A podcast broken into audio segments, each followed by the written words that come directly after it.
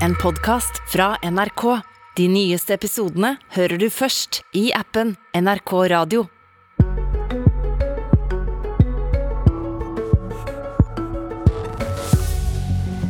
Arbeiderpartiet trosser folkeavstemningen i Innlandet. Fylkespolitikerne vil ikke tilbake til Hedmark og Oppland. Og Hadia Tajik langer ut mot Norges største avis. En presseskandale, sier hun, selv om saken ennå ikke har stått på trykk.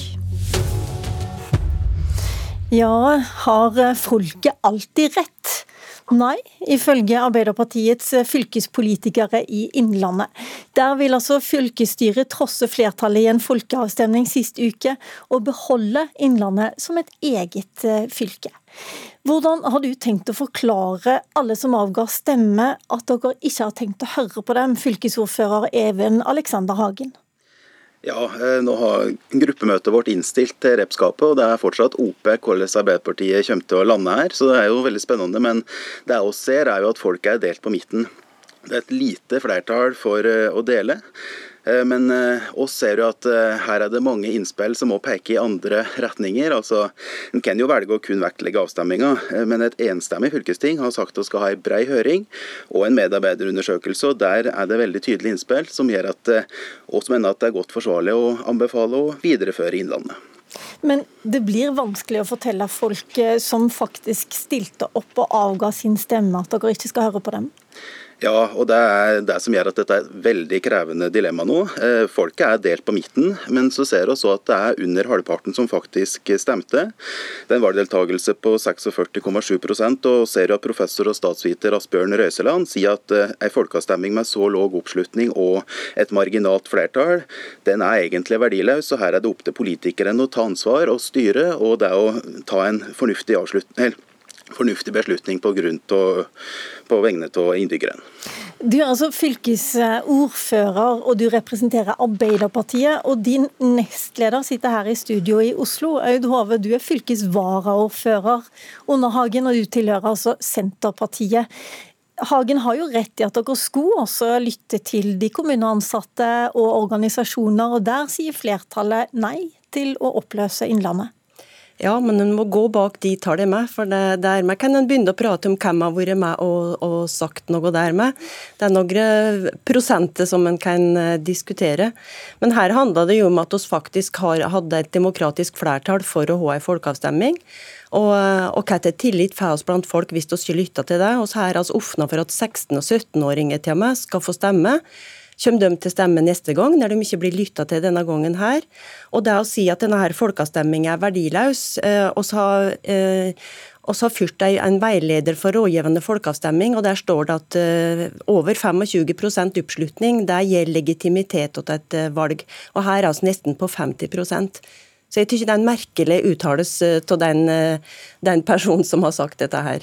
Det er et mindretall eh, også fylkes, blant fylkespolitikerne Hagen, som mener at man må høre på flertallet.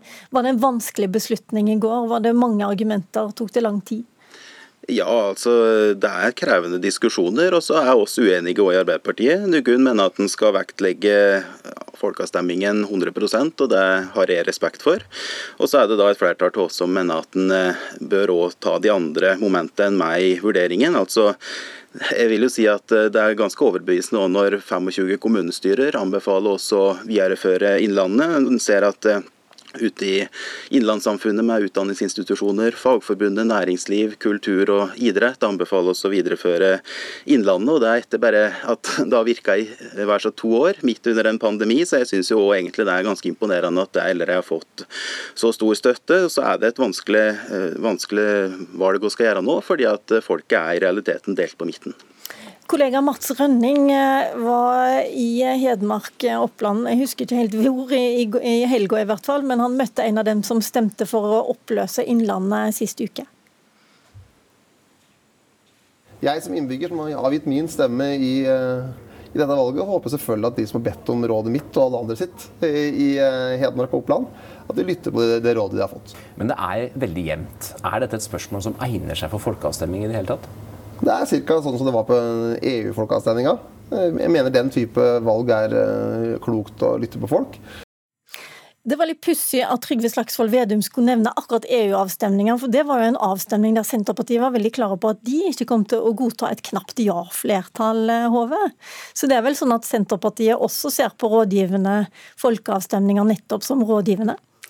Jeg vet ikke om jeg hadde vært enig i det da, men eh, da handla det om en eh, større sak enn dette her. Det handla om grunnlovsendring og suverenitetsavståelse. Og så vet jeg at her var det noe dilemma i forhold til hvem, hvilket distrikt eh, og vekting nasjonalt. Men uh, oss har vært overtydelige fra Senterpartiet i denne saken her, at uansett uh, hva, utfallet ville bli, så ville vi lytte til folkeavstemninger. Så vi har kommet til å lytte hvis det har vært et samme flertall som hadde sagt at vi skulle videreføre Innlandet, selv om det hadde vært vanskelig for oss.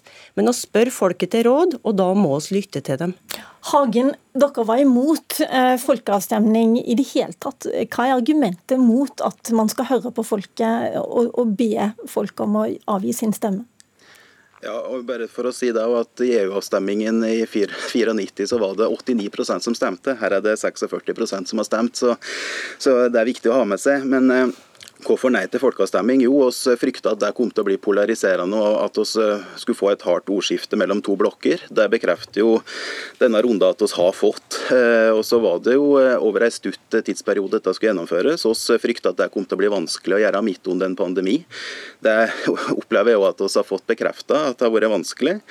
Og så mener jeg jo at en folkeavstemning det skal brukes med omhu. Dette spørsmålet her er krevende å legge ut en folkeavstemning. fordi at det er, det er, ikke gitt at alle vet hva fylkeskommunene driver med, og at debatten fort kan bli preget av helt andre ting. Og, og Til sjuende og sist er det en ansvarsfråskrivelse fra oss folkevalgte når vi ikke tar de beslutningene vi har valgt å ta, men at vi legger det ut til folket, og så abdiserer oss fra den rolla vi eh, skal ha på vegne av innbyggerne. Så, så, Det var grunnen til at vi ikke stemte for en folkeavstemning i utgangspunktet. Og, og nå når vi ser at eh, folket er delt på midten, så understreker jo det at dette blir veldig vanskelig for oss. Ok, Debatten er på ingen måte over over, men vi er nødt til å sette et punktum her i Politisk kvarter. Det blir altså en avgjørelse for hva Arbeiderpartiet kommer til å gå til, eh, stemme for eh, på eh, representantskapsmøtet i morgen kveld. Og så skal fylkestinget i Innlandet avgjøre alt sammen onsdag morgen. Tusen takk. Abonner på Politisk kvarter som podkast, og få sendingen rett til din mobil. I tolv år har jeg valgt å ikke ha pendlerbolig. Unntaket er tre måneder i 2019. Dette forsøker Aftenposten nå å lage en skandale av. Sånn åpner du et innlegg på Facebook, Hadia Tajik, du er nestleder i Arbeiderpartiet, og går til det uvanlige skritt å gå kraftig ut mot en sak i Aftenposten som ennå ikke har stått på trykk. Hva får deg til å tro at de planlegger en skandalesak? Fordi På fredag så hadde jeg allerede fått et ganske langt Word-dokument eh, om alt det saken skulle inneholde. Og, jeg hadde òg fått en aller siste frist, som Aftenposten sjøl kalte det, for å gi sitater, som da var fredag klokken ti. Eh, og etter det så ville det ikke være mulig å få inn svaret mitt. Og så gjorde de det òg klart for meg i sin e-post at når det gjelder premisset om hvorvidt vi vil omtale din sikkerhet, så er svaret at vi kommer til å omtale det, sånn som du fikk det oversendt i går. Og I tillegg så sender de meg altså en redaksjonell begrunnelse for uh, hvorfor sikkerheten min ville bli omtalt. Og Jeg regner jo med at det de har jobba med, ikke har vært en gladsak, og det har jeg da grunn til å tro, fordi de allerede har sendt meg et Word-dokument som viser hva det er de har tenkt å publisere.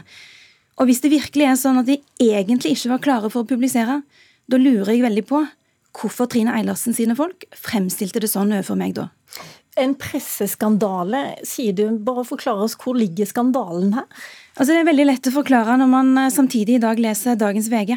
For de skriver òg om eh, min bruk av pendlerbolig, da riktignok for 15 år siden, da jeg var 23 år gammel, og viser at jeg ikke godt nok klarer å dokumentere det som var mine reelle utgifter på det tidspunktet. Eh, og det er helt ordinær kritisk journalistikk. Men det Aftenposten har drevet med, det er en presseskandale. De har pressa meg inn i en situasjon der jeg må velge mellom å fremstå som om jeg har utnytta systemet for å få pendlerbolig i tre måneder, eller å sjøl åpent fortelle om min sikkerhetssituasjon, noe jeg ikke har ønska å gjøre. Det du altså har fortalt eh, på Facebook og i sosiale medier, er at det handler om disse eh, tre månedene da du eh, skulle selge boligen din og ikke kunne bo verken i Rogaland eller hos din kjæreste eller i den boligen som du eide av sikkerhetshensyn. Og da lurer jeg på, Trine Eilertsen, du har allerede introdusert her, men sjefredaktør i Aftenposten. Hadde dere tenkt å avsløre sikkerhetsspørsmål rundt uh, Hadia Tajik? Vi har ingen intensjon om å avsløre detaljer rundt sikkerhetssituasjonen til eh, Hadia Tajik. Det er heller ikke veldig viktig i denne saken.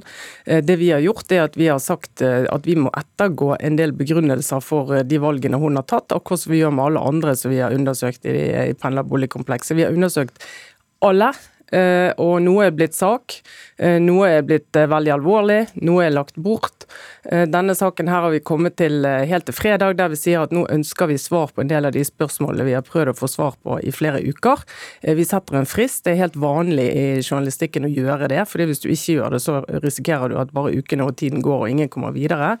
Eh, og så sier vi at nå ønsker vi det svaret, men vi har ikke sagt at vi skal publisere umiddelbart når vi får det, eller hvordan vi skal gjøre det. fordi det svaret vil jo påvirke saken. Men hvorfor setter man da en, en frist eh, fredag kveld klokken 22? Vi har hatt flere frister. Eh, vi har jobbet med det, vi jobbet med det hele fredagen, så det har jo vært et forsøk hele fredagen på å få få landet de spørsmålene som vi har hatt. Og Vi mener jo at en statsråd er nødt til å være i stand til å svare på spørsmål. Og så er det sånn at svaret kommer vi får svaret. Hadde vi hatt intensjon om å publisere umiddelbart, uavhengig av hva som sto i det svaret, noe som ville vært helt ellevilt, eh, så hadde vi jo bare publisert den kvelden. Men det gjør vi ikke. Vi får svaret, vi vurderer det, ser at vi må jobbe videre med saken, og det er det som har skjedd. Og da At, at Hadia Tajik da går ut og kommenterer en sak som ikke har stått på trykk, og gir et inntrykk av hvordan hun tror den ville sett ut, det syns jeg faktisk er helt spesielt. Burde du ikke ha venta Tajik? De fremstilte det som sagt som om eh, saken var, eh, altså skulle publiseres i løpet av relativt kort tid. Ja, og jeg synes det, det, si? det, det, vil si at Dere sa at dette er aller siste frist. Etter det vil det ikke være mulig å få inn svaret. Dere sa vi kommer til å omtale den i sikkerhet. Dere sa dette er måten vi kommer til å omtale det på. Dere sa at her er den redaksjonelle begrunnelsen. Kan du dokumentere dette? Ja, det kan jeg. Men i tillegg så er det sånn at det dere fikk i sitatet mitt, det er informasjon som dere har hatt hele tiden. Dette er det jeg har fortalt journalistene deres i ukevis. Så det mest interessante her nå er akkurat hva er det du mener var nytt i det sitatet dere fikk fredag kveld, som gjorde at dere var nødt til å gjøre en helt ny vurdering? Nei, jeg, jeg går ikke inn i hva det er. Du vet like godt som meg at vi har informasjon som vi ikke har publisert. Det vet du. Og du tar et utsnitt av det som vi har vist deg underveis, fordi journalistikken har forandret seg. I gamle dager var det sånn at du fikk en sak rett før det var ment å publisere, og så skulle du kommentere det. Nå er samtidig imøtegåelse utøves det på en annen måte. Det betyr at du er involvert i saken på en helt annen måte enn det man var før. Så du har full prosessen tettere enn eh, man gjorde før. Du har, muligheten til å påvirke det. Jeg stiller et veldig enkelt spørsmål, fordi jeg blir nå fortalt at grunnen til at de ikke publiserer fredag kveld, er fordi da har de fått sitatet mitt det må de gå inn i, og der kan det jo hende at det er nye ting som de må gå inn i. Men spørsmålet mitt til deg er akkurat hva er det som er nytt? For det som står i sitatet mitt, er det Aftenposten har blitt fortalt i ukevis. Hadia Tajik, det har Trine, Trine Eliassen sagt at hun ikke kan gå videre på, så da må jeg spørre deg. Aftenposten har laga saker, eh, og andre medier også, som har ført til at en stortingspresident måtte gå, en partileder måtte gå, to stortingsrepresentanter eh, må i fengsel, faktisk. Mm. Er ikke det legitimt at de stiller de spørsmålene til deg også? Og Det er helt legitimt at spørsmålet blir stilt, og jeg kan forsikre deg om at disse tre månedene i 2019 har jeg fått spørsmål om fra svært mange redaksjoner. Ikke bare Aftenposten. De var ikke den første redaksjonen som spurte, de var faktisk den siste. Ok, og Hvorfor stilte du da ikke til intervju? Jeg var tilgjengelig for intervju hele veien, men det jeg forventa av Aftenposten Dere har fått omfattende svar fra meg i ukevis. Ikke, ikke fremstill det på intervjuforespørsel. Ikke, ikke fremstill det på noen annen ikke måte enn det. Ikke på intervjuforespørsel, Tajik. Dere har fått omfattende bakgrunnsinformasjon om hva som har vært de faktiske forholdene. Og jeg har hele tiden sagt at jeg stiller gjerne til intervju, men jeg vil ha klarlagt premissene. Og et vesentlig premiss har lenge vært uklart, og det er om dere vil omtale min sikkerhet, og hvordan. Det ble klarlagt fredag kveld. Okay, og da svarte det har du sagt det. før. Jeg må spørre om en annen ting. VG skriver altså om en sak fra 2006. Da fikk du skattefri pendlerbolig basert på leie av en bolig du aldri bodde i og aldri betalte for. Det betyr vel kanskje at det er litt å grave i her? Oh, jeg skjønner veldig godt at det spørsmålet blir stilt, fordi VG sin sak er ordinær kritisk journalistikk. Eh, og de viser jo at jeg for 15 år siden, da jeg var 23 år gammel, ikke var ryddig nok med tanke på dokumentasjonen min knytta til pendlerbolig. Og jeg har respekt for at journalister og redaksjoner må gjøre den type arbeid. Men forskjellen er altså at Aftenposten ville skandalisere at jeg i tre måneder i 2019 hadde bodd i en pendlerbolig fordi jeg ikke kunne bo i min egen av sikkerhetshensyn. Det er stor forskjell på dette. Og VG og andre redaksjoner de tok kontakt med meg for lenge siden om disse tre månedene. Men de forsto ganske tidlig at dette ikke er en sak, og de la den ganske raskt vekk. Ja, jeg synes Det er interessant at hun sier vi ville skandalisere. Det betyr at hun vet om hvordan en sak ville sett ut, ja, hvordan den ville vært vinklet. Hvordan den ville sett ut. Nei, vet du hva, vi har fortalt deg hva informasjon vi har, for vi ønsker at du skal få muligheten til å kommentere det.